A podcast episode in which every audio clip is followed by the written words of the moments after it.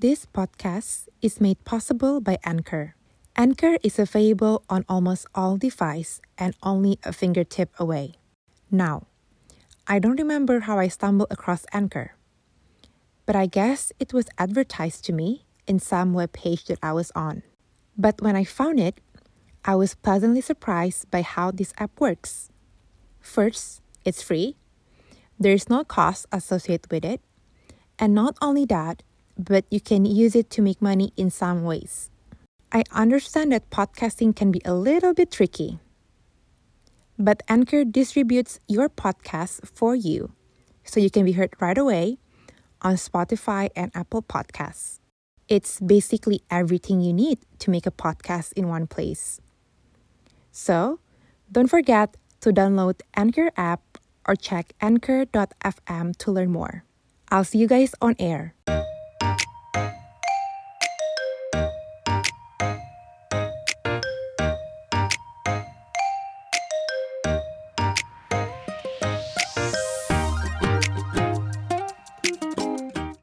Claudia, and this is Unmute Podcast. We're on this unmute zone together. Every other week, we'll unmute some of the uncommon thoughts about failures and life experiences. Listen up and let the brain sparks begin. Enjoy the ride. Hai semuanya, selamat datang di Unmute with Claudia Podcast. Dan hari ini gue kedatangan bintang tamu yang gue udah nontonin dia dari kecil. Dan gue akan kasih aja langsung fotonya. Kenal nggak ini siapa? Oh my god, kok dapat aja lagi? Well, gue merasa bahwa lo itu sangat fortunate sih, Vi. Karena masih banyak banget dari kita yang even sampai sekarang tuh masih bingung mau ngapain dalam hidup. Dan gue mau bilang bahwa lo from early on, dari umur 4 tahun kalau boleh dibilang, lo udah tahu bahwa lo akan getting exposed to this huge industry and sort of know what you want to do in, the future gitu. Uh, Yeah. which is singing. And you're not only a singer, but to be honest, you're pretty much everything that divine music. Your experience speaks a lot about that. Dan um, I used to watch you since I was a kid di Idola Cilik. Dan well, welcome. Ada Alisa Saufika Umari. Yes, atau bisa dikenal juga dengan Ivi Alisa. Ya. Hai. Eh, kayaknya bisa dibilang gak sih kayak setengah umur lo itu musik gitu Kayaknya iya deh. Bahkan lebih udah lebih dari setengah berarti kalau sekarang. lebih banget. Dan gue tuh ngeliat kebanyakan orang belajar lagu pertama itu most probably lagu Westlife atau lagu Queen Oh, oke. yang bikin lo stay dengan musik sampai udah lebih dari dua abad nih apa? Karena setiap jatuh bangun itu emang selalu baliknya tuh ke musik gitu loh. Jadi dari awal aku apa eh, ikutan idola cilik gitu, yang awalnya juga sebenarnya nggak sengaja itu kan berawal dari hobi sebenarnya kan. Terus setiap aku merasa down atau apa tentang musik, tapi aku selalu bangkit lagi kamat dengan ide baru, tapi ya emang berhubungan dengan musik gitu. Jadi kayaknya aku emang, wow, kayaknya emang musik sih jalannya gitu. Karena setiap aku sedih, setiap, setiap aku ada masalah atau gimana, pasti yang dipikirin lagi tuh, gimana ya untuk bikin mm, musik yang lebih baik lagi gitu. Misalnya aku ngerasa, duh kok lagu yang ini kayak kurang pendengar atau gimana pokoknya aku pasti akan come up dengan musik lagi bukan malah banting setir "Eh, jualan kue ah gitu atau gimana gitu Berarti udah kayak semacam autopilot lo ya? iya sebenarnya itu juga bukan suatu hal yang disengaja bagi gue karena kayak begitu aja kayak langsung ke musik lagi gue juga bukan yang eh, sengaja dari kecil kayak ini harus musik enggak ini kayak emang nggak disengaja dan tanpa disengaja gue akhirnya menemukan ya passion gue ya ini nggak ada yang lain gitu Tapi gitu. keluarga lo itu latar belakangnya seni kan ya? Iya, tapi bisa dibilang nggak fully sih. Mungkin dari nenekku kan eh, pemain film juga kan. Mamaku news anchor. Terus kalau dari papa, nah sebenarnya musik tuh kayaknya sih dari papa sih. Karena dia yang suka main piano dan Oh. segala macam gitu. So if you talk about music ya, you've you've come along the way. Lo udah ikut Java Jazz dari 2007, bahkan sebelum lo ikut Idola Cilik kan di tahun 2008. Nah, ada fase tuh Vi, di mana Ivy tuh dikenal sebagai idola cilik di season pertama di tahun Iya. itu.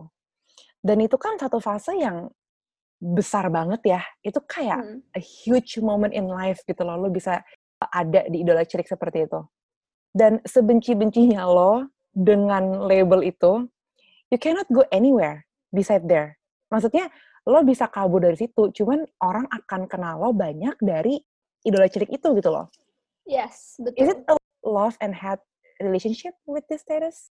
Dulu sih aku ngerasa sempet kayak agak, aduh apaan sih udah lewat gitu kan. Tapi Heeh. along the way gue merasa, iya memang begitu faktanya gitu. Kayak gue emang nggak bisa menghindari juga kalau misalnya dulunya gue, misalnya ini yang dulu idola cilik kan, atau ini yang dulu Blink kan, justru gue harusnya lebih grateful dengan orang-orang mengenal gue dengan journey-journey yang gue udah alamin gitu.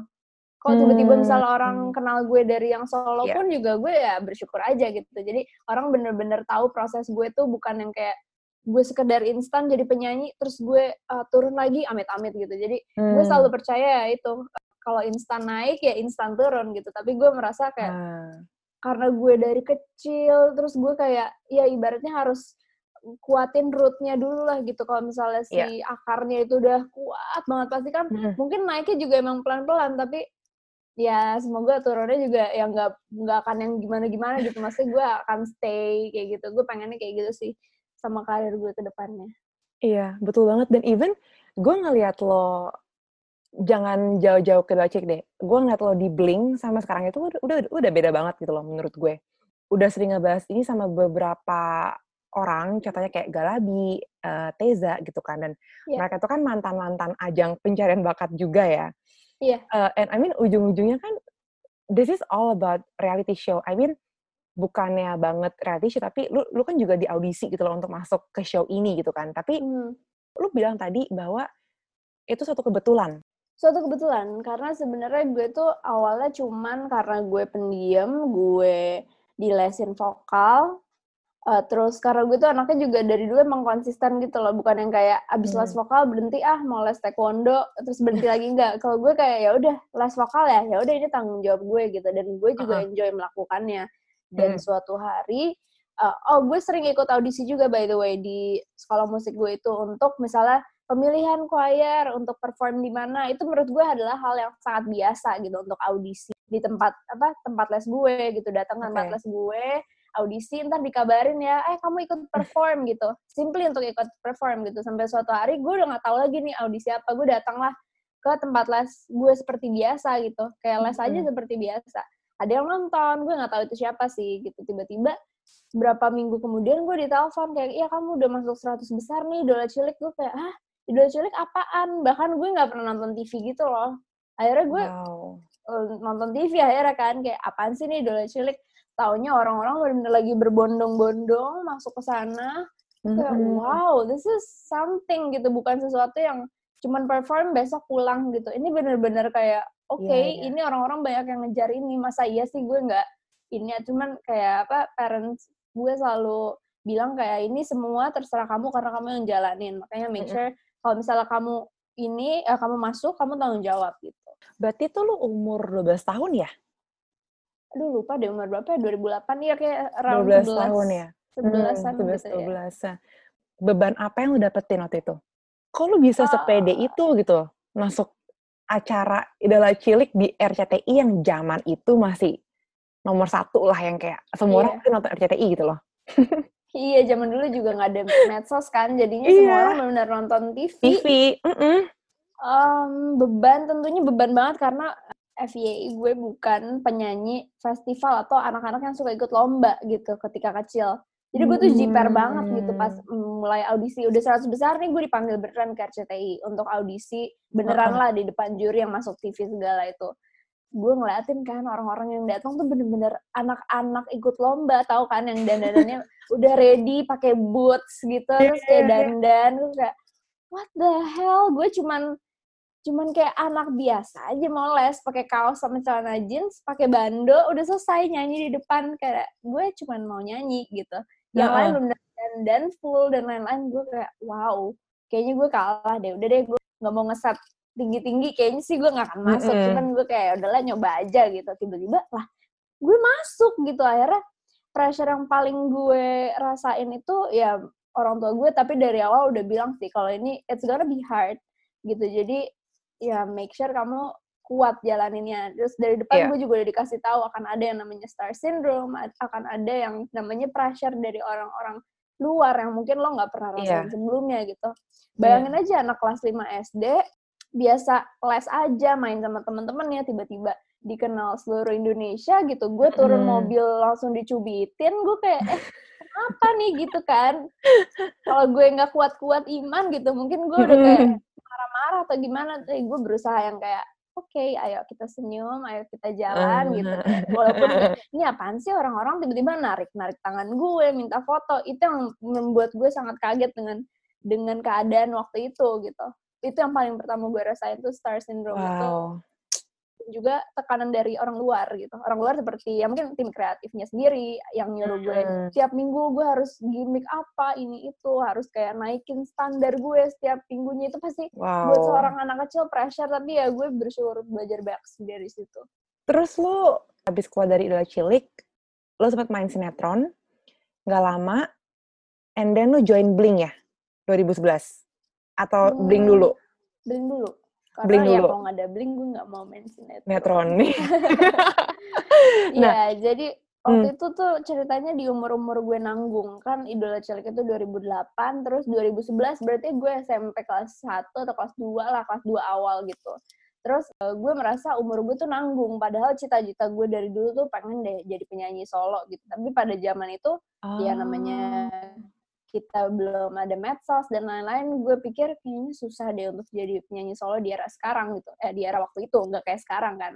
Bisa tinggal rilis aja sendiri gitu. Cuman kalau zaman dulu ya beda lah, kita harus ada presence kita di TV gitu. Gue pun bingung, waduh zaman dulu kalau misalnya gue di umur nanggung, lagu cinta-cinta juga belum, tapi lagu anak-anak juga bukan, umur nanggung.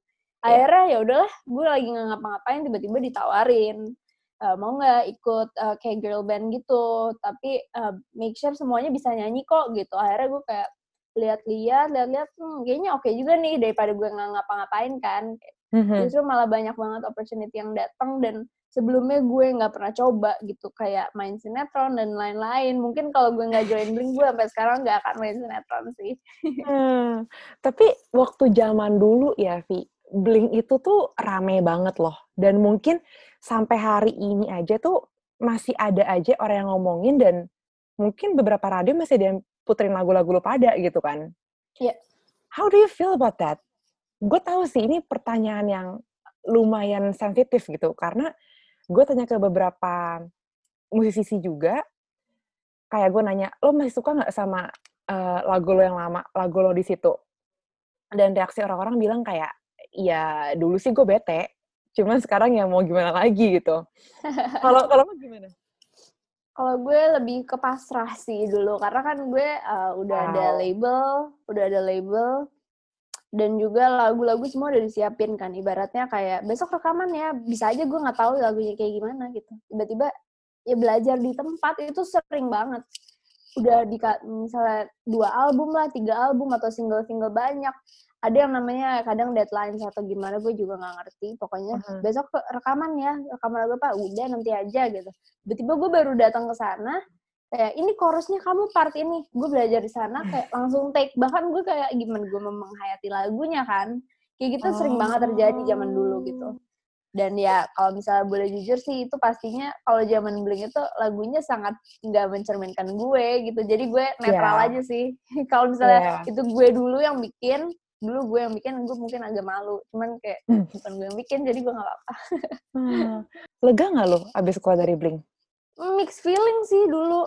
Kayak hmm, udah nyaman tentunya. Dan kayak orang-orang semua udah tahu bling betul berempat atau di jalan segala macam dan gak ada masalah juga. Tiba-tiba kayak kita semua sadar kayak wah kita mau sampai kapan nih? Gini-gini aja. Pasti kita juga punya mimpi sendiri-sendiri kan. Dan Mm-mm. kebetulan kontrak kita memang habis tahun itu. Akhirnya kita uh, meeting sama manajemen kayak mau diterusin atau enggak nih akhirnya pas diskusi kayaknya ini waktunya udahan deh kayak biar buat Hmm. kebaikan kita masing-masing gitu loh kayak kita Iya. ngerti kalau di comfort zone terus kayak ini sampai kapan Mm-mm. gitu tapi ini kayak kita masih banyak mimpi kita masing-masing nih gitu akhirnya Mhm. ya udah udahan aja kali ya gitu jadi kita bener-bener ya udah udahan aja baik-baik gitu Hmm, yang tadi gue udah pernah bilang kalau juga sebel- sebelum kita ngobrol-ngobrol ini, kalau orang mau lihat resume entertainment lo itu tuh udah 10 out of 10 gitu. You've pretty much done it all. Lu nyanyi, lu nari, lu main sinetron, lu join grup band,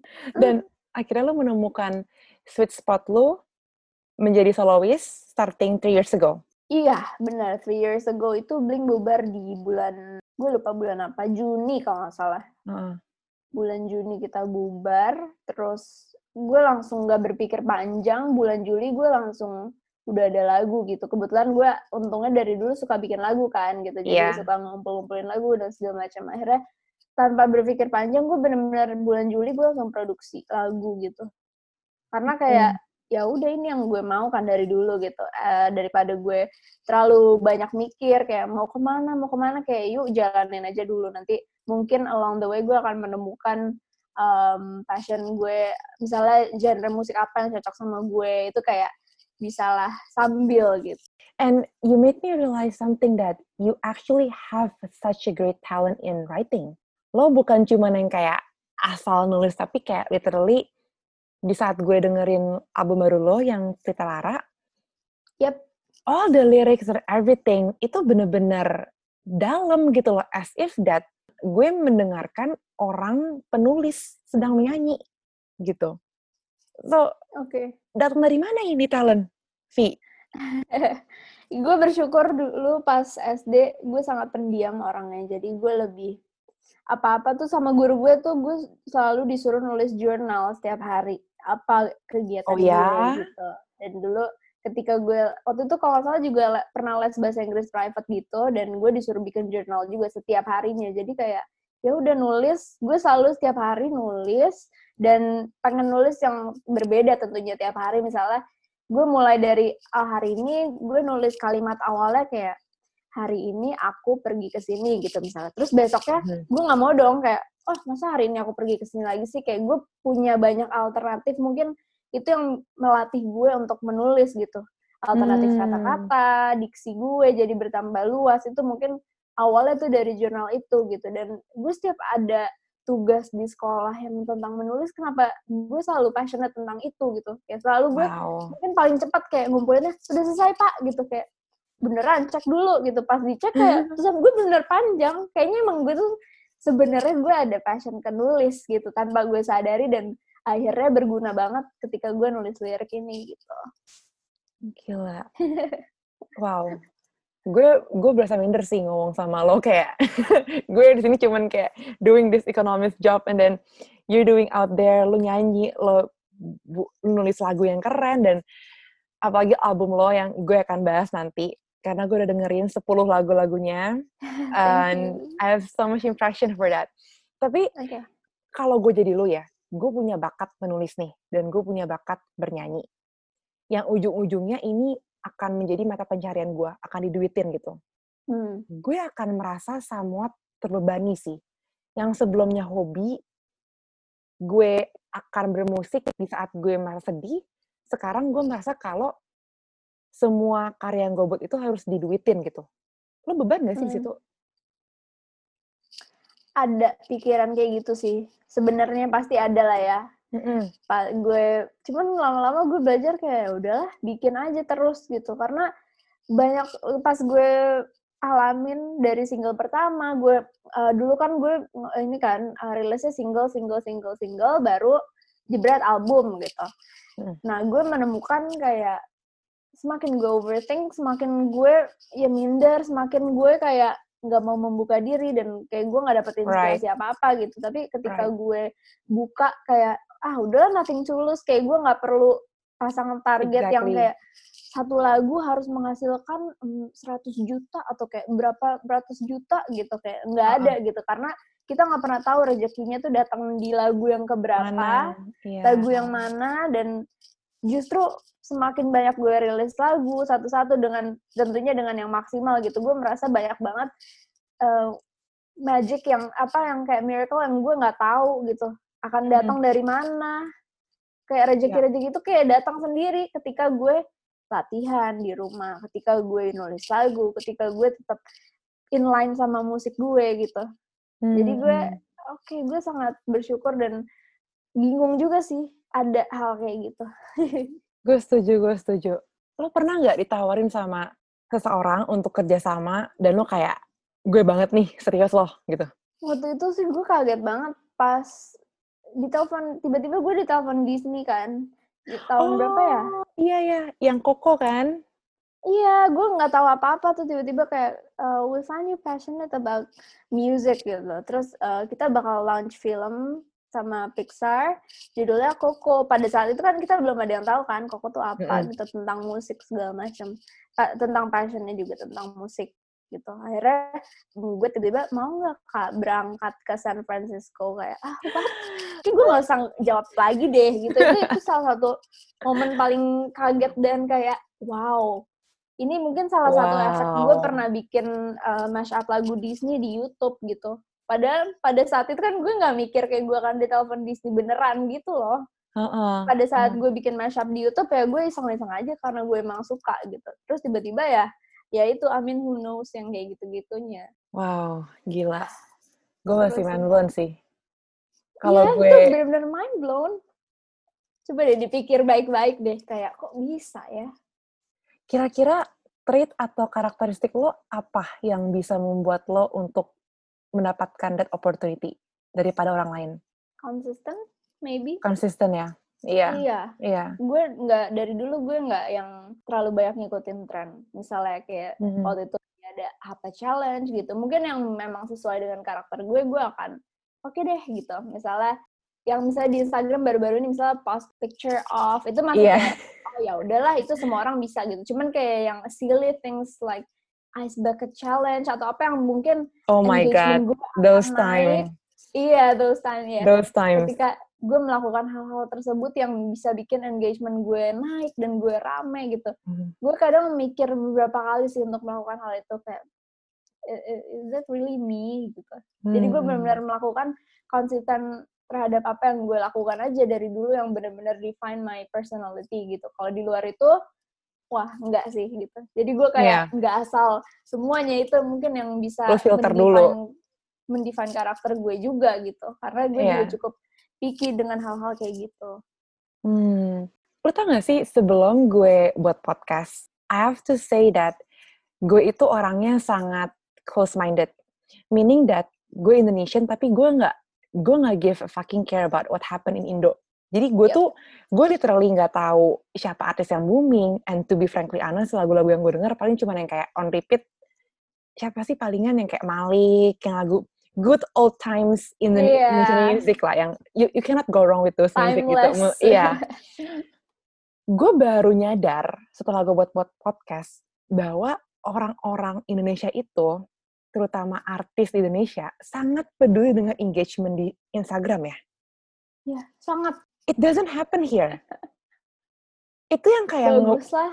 Iya, itu yang kayak nge ngebuat gue kayak wah gila, kok mereka segini pedulinya loh sama engagement. Gue udah ngomong sama... Bener banget sih. Tapi untungnya kebanyakan orang yang gue ngobrolin ini sama kayak lu. Mereka bukan tipe yang peduli dengan followers, peduli dengan engagement, peduli dengan berapa orang yang unfollow mereka gitu loh. Mereka nggak akan do it a giveaway untuk naikin engagement gitu lah maksud gue. Iya, yeah.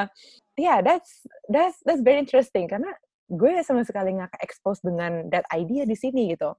Talking about tadi album solo lu ya, pas gue tau dari Iva, Ivi sekarang udah solois, terus kayak udah buat lagu gini-gini gila macam. Dia waktu itu pernah pernah ngepost uh, lagu lo gitu di di Instastory. Hmm. Lagu lo yang gitar sama Gerald. Hmm.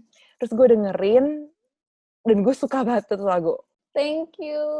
And then Vika Uci Tapohan, dia buat playlist namanya Slow Something gitu lah di Spotify. And then one of the song yang di dalam itu tuh adalah What About Us. Okay, I just knew it. Thank you, Kak Uci. Yeah. Jadi kayak literally selama abis gue ngomong sama Iva tuh, it seems like the universe connecting me with all of your songs. Dan dan gue akhirnya memutuskan untuk dengerin album Pritara lo yang baru uh, rilis Oktober kemarin kan. iya. Dan pas gue denger lagu-lagu itu pertama kali, gue kaget kayak, wait, this isn't Evie that I know years back. Kayak beda banget. Ini literally gue baru mengenal sosok Evie yang seperti ini ya dari lagu-lagu yang ini gitu loh. Which mean that you've shown so much of progress dari Idola Cilik ke Blink dan sekarang lo ini lo yang sebenarnya gitu kan. Iya. Gimana menurut lo dari those proses gitu? Iya, Iya, kalau zaman dulu gue nggak bisa bilang itu gue karena kan ya lagu-lagunya tentunya udah disediakan dari sananya gitu dan Iya. gue nggak punya wewenang kayak ah gue sukanya ke sini nih lagunya gitu karena ya ini songwriternya bukan gue gitu. Cuman di Blink waktu itu gue sempat nulis juga satu dua lagu. Cuman ya gitulah banyak komen dari orang luar pihak luar pihak label pihak sinetron gitu. Mereka bilang kayak ini lagunya bagus sih Vi tapi terlalu bagus gitu. Dia bilang kayak lagu itu tuh terlalu bagus. Gue kayak wow oke gue baru denger ada lagu terlalu bagus, gitu. Bagus. Heeh. mereka bilang liriknya pertama terlalu puitis. Mungkin orang Indonesia nggak akan nyampe nih dengan lirik lo. Padahal pas gue baca ini apa puitisnya ya? gitu. Ya gue bingung nih pada saat itu kayak bikin lagu tuh banyak banget sekat-sekat yang harus gue lewati. Akhirnya gue kayak ah, Hmm. gue kayak nggak dulu deh untuk nulis di pas zaman Blink itu karena banyak banget sekat-sekat yang membatasi gue dalam membuat lagu gitu Mhm. akhirnya pas eh, gue selesai bling akhirnya wah ini nih akhirnya gue bisa nulis lagu free dan itu alasan pertama juga gue nggak join label dulu dan segala macam Iya. karena gue bener-bener pengen totally free pengen jadi gue ini gimana ya reaksi orang-orang mungkin akan kaget Hmm. juga gitu dengan lagu gitu kayak gitu dan pertama kali gue rilis gitar Mm-mm.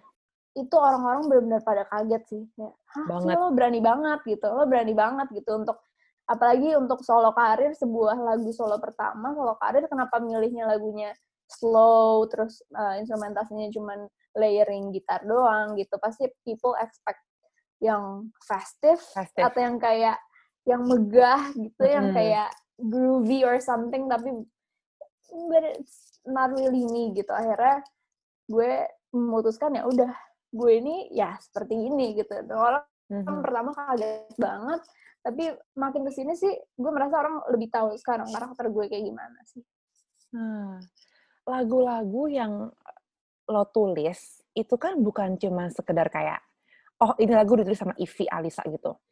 These songs are actually made it out there.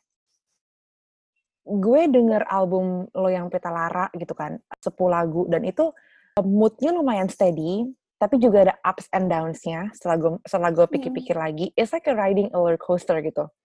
And if I'm not wrong, ada satu lagu yang tentang bokap lu ya, yang super personal. Ah, sebenarnya itu juga lagu What About This itu diciptakan memang sebelum papa pergi gitu Hmm. jadi ya I didn't know gitu cuman waktu itu pas gue rilis kebetulan momennya sangat-sangat pas gitu akhirnya gue ya udahlah ini dedicated to my my dad aja gitu Ten- kayak gue pas pikir-pikir kenapa liriknya bisa pas banget ya sama keadaan yang gue rasain sekarang dan ketika itu gue udah tahu nih em, kayak dari around Desember gitu gue udah tahu kayak next lagu What About Us yang akan gue rilis gitu cuman Oh. gue nggak akan tahu kalau eh, papa tuh pergi bulan Maret gitu. Maret, Pas hmm. Desember itu gue udah tahu ini next tuh About Us ya gitu. Udah gue bikin udah semuanya udah jadi. Eh, terus Maret papa pergi, akhirnya bulan Juli eh Juni kalau nggak salah li- rilis. Akhirnya ya udahlah gue dedicated aja, eh gue dedicated untuk eh, almarhum papa gitu. Jadi semuanya pas banget dari music videonya dan segala macam itu mungkin bisa untuk tribute dan juga eh, persembahan gue juga lah untuk papa gitu. Hmm. Apakah itu momen paling depresi lu, Vi? Waktu papa meninggal? Atau ada lagi lowest moment in your life? Kayaknya mengalami sedih sampai berhari-hari tuh baru itu sih. Baru pas papa pergi itu. Karena sebelumnya gue belum pernah merasakan kehilangan yang bener-bener ya keluarga inti gitu loh. Biasanya mungkin ya Hmm. keluarga jauh atau mungkin nenek gitu. Tapi ketika nenek meninggal juga masih kecil gitu loh. Jadi belum belum yang kayak gini gitu ini sekarang kayak wow umur gue udah 23 terus gue merasa kehilangan gue kayak oh it is really weird gitu rasanya benar-benar hmm. Gue sampai berhari-hari sedih tuh itu baru kali ini sih gitu jadi kayaknya mungkin bisa dibilang itu momen-momen tersedih gue tuh ya ada di tahun ini juga gitu. Have you ever felt at loss or insecure about about you? Iya, tentunya. Ketika gue solo ini sih lebih tepatnya. Karena kalau zaman dulu tuh gue nggak banyak pikiran lah gitu, masih kecil, terus juga nothing to lose, everything is nothing to lose. Tapi ketika gue mm -hmm. uh, gue memutuskan untuk kuliah di musik gitu, kayak wow, this is getting yeah, real. this is yeah, ini serius gitu, bukan suatu hal yang main-main lagi musik untuk hobi doang gitu. Tapi ini benar-benar kayak gue udah pengen pendidikan di sini berarti gue kayak harus ada apa ya gue merasa ada tanggung jawab lebih dari musik yang bisa gue yang bisa gue persembahkan gitu nantinya gitu jadi gue merasa tanggung jawabnya lebih besar, pressure lebih gede juga gitu. Itu yang membuat gue kayak wow, makin sini mungkin makin banyak pikiran overthink tentang uh, musik gitu. Tapi ya ini kan yang udah aku pilih gitu, jadi harus bertanggung jawab. Uh -huh. How would you overcome yourself biasanya? kalau lagi di dalam momen-momen kelam dan terpuruk seperti itu? Biasanya cara lu untuk pick up yourself back itu gimana? Hmm, dengan teman-teman sih. Gue nggak bukan tipe yang bisa bikin lagu ketika gue sedih.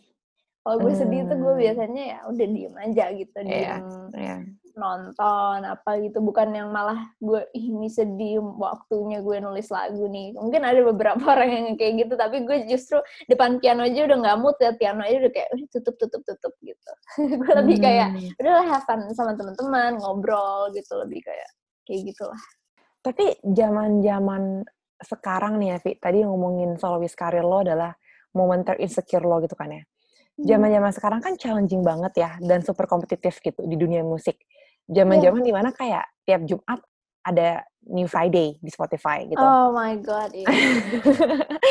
ada trending top chart gitu. Bukan lagi di masa-masa 5-6 tahun yang lalu gitu di saat lo buat lagu baru langsung booming gitu kan, langsung people hmm. know about your song. Lo takut gak sih? Iya, gue juga waktu itu sempat diskusi juga nih sama teman-teman perihal ini kayak mm -mm. zaman dulu tuh lo bisa bikin satu lagu kalau lo cukup luck lo bisa bertahan di chart di chart music selama ber, berbulan-bulan. Yeah. Tapi di masa sekarang ini everyone can release a song uh, within berapa weeks gitu kayak bisa yeah. banget gitu. Tiap minggu ada lagi yang baru bahkan kayak artis tuh bisa dari siapa aja gitu. Even mm -hmm. misalnya adik gue mau nyanyi besok rekaman juga ya bisa aja gitu kayak everyone yeah. can be a singer now gitu. Jadi gue merasa ada tanggung jawab yang lebih besar dari itu karena kalau dilihat tiap minggu bisa aja orang rilis lagu, orang naik nih lagunya terus nanti udah tapi tanggung jawab yang lebih besar dari itu menurut gue adalah konsistennya aja sih nanti seberapa hmm. konsisten dia gitu seorang artis tuh bisa dilihat dari ya udah kayak dia mau terus berkarya atau dia mau buat iseng-iseng aja buat have fun aja ngerilis lagu itu yang menurut gue paling tantangannya itu adalah yaitu konsisten untuk bikin terus untuk nggak terlalu mikirin orang kayak oh lagu kemarin misalnya gue nih What hmm. About Us nih kayak naik nih lagu kemarin gue bikin ah another What About Us nggak gue lebih kayak ya udah apa yang mau gue bikin selanjutnya tergantung story gue bukan berdasarkan About Us kemarin naik nih notasinya kayak gampang deh gue bikin ah yang gampang-gampang lagi bukan yang kayak gitu loh jadi gue lebih hmm. kayak ya temanya sesuaiin sama apa yang lagi pengen gue rilis atau kayak ada konser tertentu kalau gue mau ngerilis sesuatu kayak gitu. Hmm. Kalau misalnya bisnis musik ini nggak cuan buat lo, ya, lo akan berpikir untuk quit nggak? Atau menurut lo musik dan lo itu adalah one soul that cannot be separated? Gue nggak akan quit sih. hmm. uh, even kalau misalnya amit-amit ya, gue yeah. susah untuk cuan atau gimana, gue pasti akan cari jalan lain, tapi gue nggak akan fokus. Misalnya uh, dari uang tabungan gue, gue invest ke mana gitu, misalnya another thing than music gitu, tapi yeah. gue nggak akan quit music gitu. Mungkin, cuman mungkin gue punya pot lain untuk menghidupi gue gitu, tapi hmm. kalau untuk musik sendiri gue nggak akan stop cuman gara-gara ah nggak ada duitnya enggak gitu. Hmm, hmm. Tadi yang masalah lo ada di kolam yang very competitive nowadays kan, di mana hmm. tiap hari pasti ada aja orang buat lagu baru gitu loh. Iya banget. So, what makes you different, you think? Yang kayak hmm. lo percaya nih, misalnya deh, lo ke investor, lo yeah. percaya banget ini value di gue ini lo gak akan bisa temuin di orang-orang lain. Tapi kalau gue perhatiin, uh, gue cukup terharu juga sih. Gue kan rilis nggak pakai mikir gimana-gimana tentang mm -hmm. jenis musik yang gue bawa dan segala macam. Gue cuman simply bikin musik yang gue suka aja gitu, tanpa mikirin ini itunya lah gitu. Terus ketika gue udah ngerilis album ini, banyak sekali orang-orang di industri musik yang mungkin A&R uh, label, kayak orang yang bertugas untuk mencari artis baru dan lain-lain. Itu tuh yeah. banyak yang datang ke gue dan bilang kayak, eh kayaknya yang di genre yang ini tuh baru lo doang deh gitu gue langsung kayak hah serius wow. kayak iya lo sendirian sih di sini kayak makanya menurut mereka sih kayak lo maju aja terus dengan kayak gini mungkin emang nggak akan kayak misal lagi hype apa sih genre musik sekarang? Misalnya kayak EDM or something mm -hmm. gitu nggak tahu sih elektronik lah misalnya gitu. Ada touch of elektronik tapi pop gitu. Pop indie atau gimana gitu. Ya gue mungkin bisa aja ngikutin ke sana tapi that's not what I want gitu. Gue akan tetap stick dengan jenis musik dan bunyi yang gue suka gitu. Yeah. yang mungkin start, secara nggak sengaja itu mendivine siapa sih Ivy gitu. Bahkan sekarang hmm. kayak gue udah sering banget kayak gue lagi muter kayak teman-teman gue bilang anjir ini lo banget sih gitu. Oke okay, gue nggak berusaha kayak ah gue gimana sih? Gue aja kayak kadang nggak tahu gitu emang gue gimana sih? gitu. Ya lo tuh hmm. organik gitu. Mungkin bisa iya sih setelah gue pikir-pikir gue tuh nggak nggak nggak pakai yang terlalu elektronik gitu kalau mm -hmm. di dalam genre musik tuh gue emang suka yang pure aja gitu loh. Yang yeah. emang orang main kita main bersama main band bersama iya yeah, iya yeah, gue yeah. suka bunyi-bunyi yang kayak organik aja gitu so lu mau orang itu kenal lo sebagai orang yang seperti apa? Mungkin musical bisa dibilang karena gue juga suka banget main piano gitu. Mm -hmm dan uh, mungkin kalau dari jenis musik mungkin bisa dibilang soothing. Soothing. Mm-hmm. iya. Yeah. dan yeah. gak yang terlalu teriak-teriak itu kayaknya divine banget sih. Pribadi lu banget sih Vi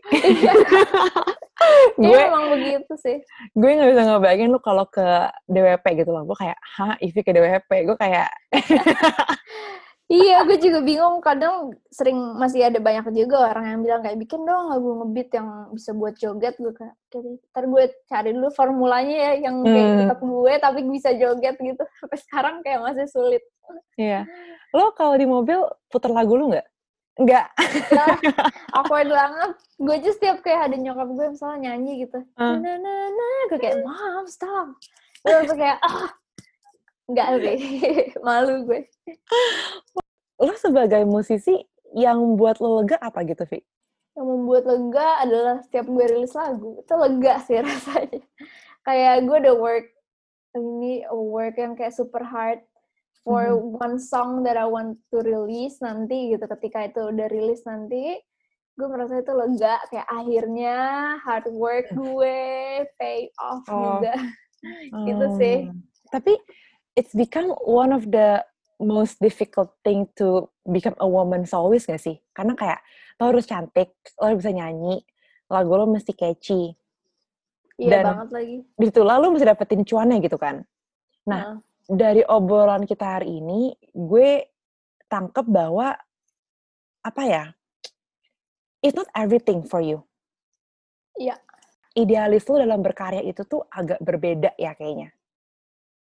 Gak tau deh, emang iya?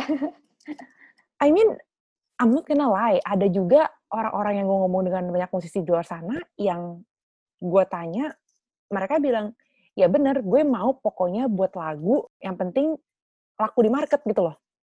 Hmm, Oke. Okay. Gue nyamannya di lagu Inggris, tapi gue maunya lagu gue laku di market. Jadi gue ganti ke Indonesia aja.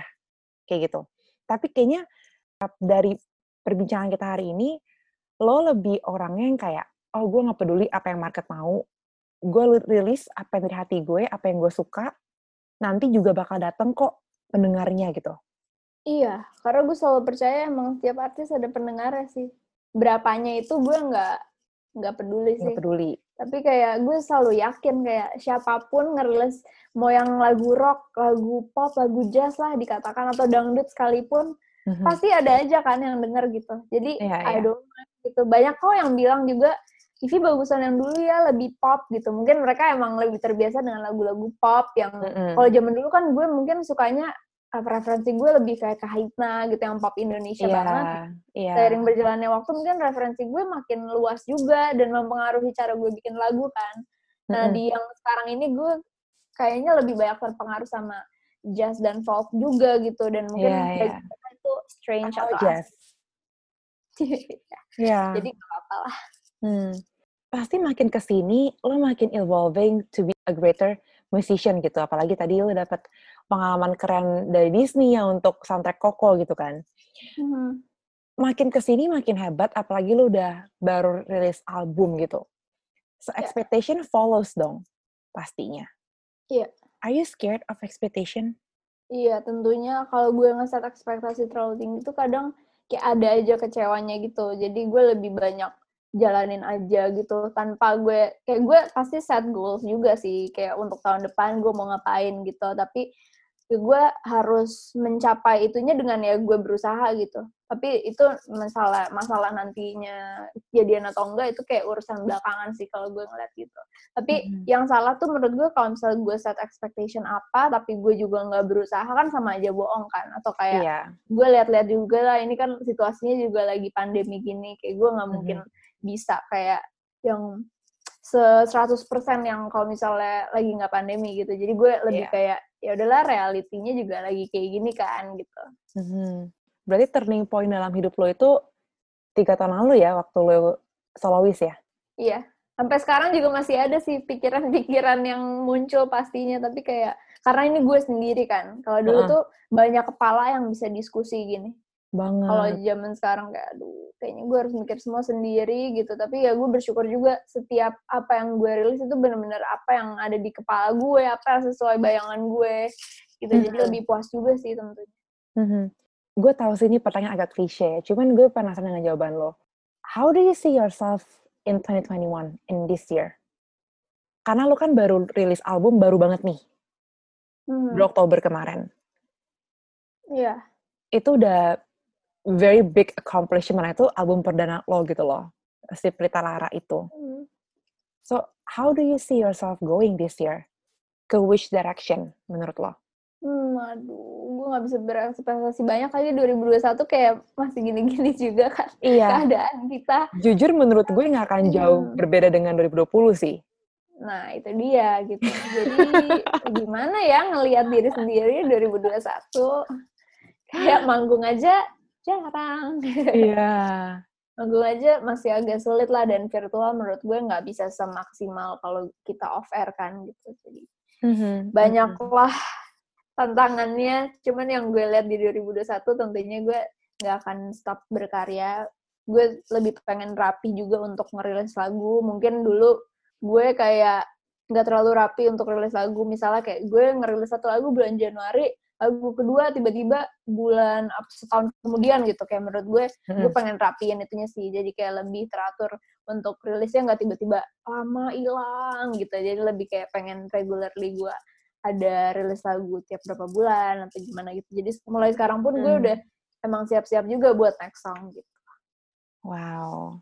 Oh, Vi, ada nggak mungkin advice atau kayak pesan-pesan terakhir buat yang dengerin di tahun 2021 ini supaya mereka bisa uh, nggak takut untuk achieve what they want in life? Emang kuncinya sih menurut gue emang jalan terus sih, nggak ada yang lain. Kayak kalau misalnya kita terlalu banyak mikir dan gak jalan-jalan juga ya gimana gitu. Jadi emang Iya. harus jalan aja dan berproses dan belajar juga sama apa yang udah kita jalanin karena memang itu kunci belajar yang paling tepat adalah itu sih menurut gue. Nanti pasti Hmm. ketemu lagi kayak oh yang ini lagu yang ini berarti gue nggak cocok nih genre ini oke oke misalnya gue perbaiki di lagu selanjutnya atau gimana kayak bisa banget Trial and error lah ya. iya trial and error Vi, thank you so much for this conversation. Um, appreciate your Sama-sama. time and wishing you the best of luck for this year. Thank kayaknya, iya, kayaknya semua orang butuh nggak sih good luck di tahun ini? Amin. Kita doakan semuanya punya good luck di tahun Yeah. 2021. And jangan lupa guys dengerin album terbarunya Ivy, Prita Lara yang udah tersedia di all platform, Spotify, Yay! Apple Music. Yes. Okay, thank you guys. Thank you.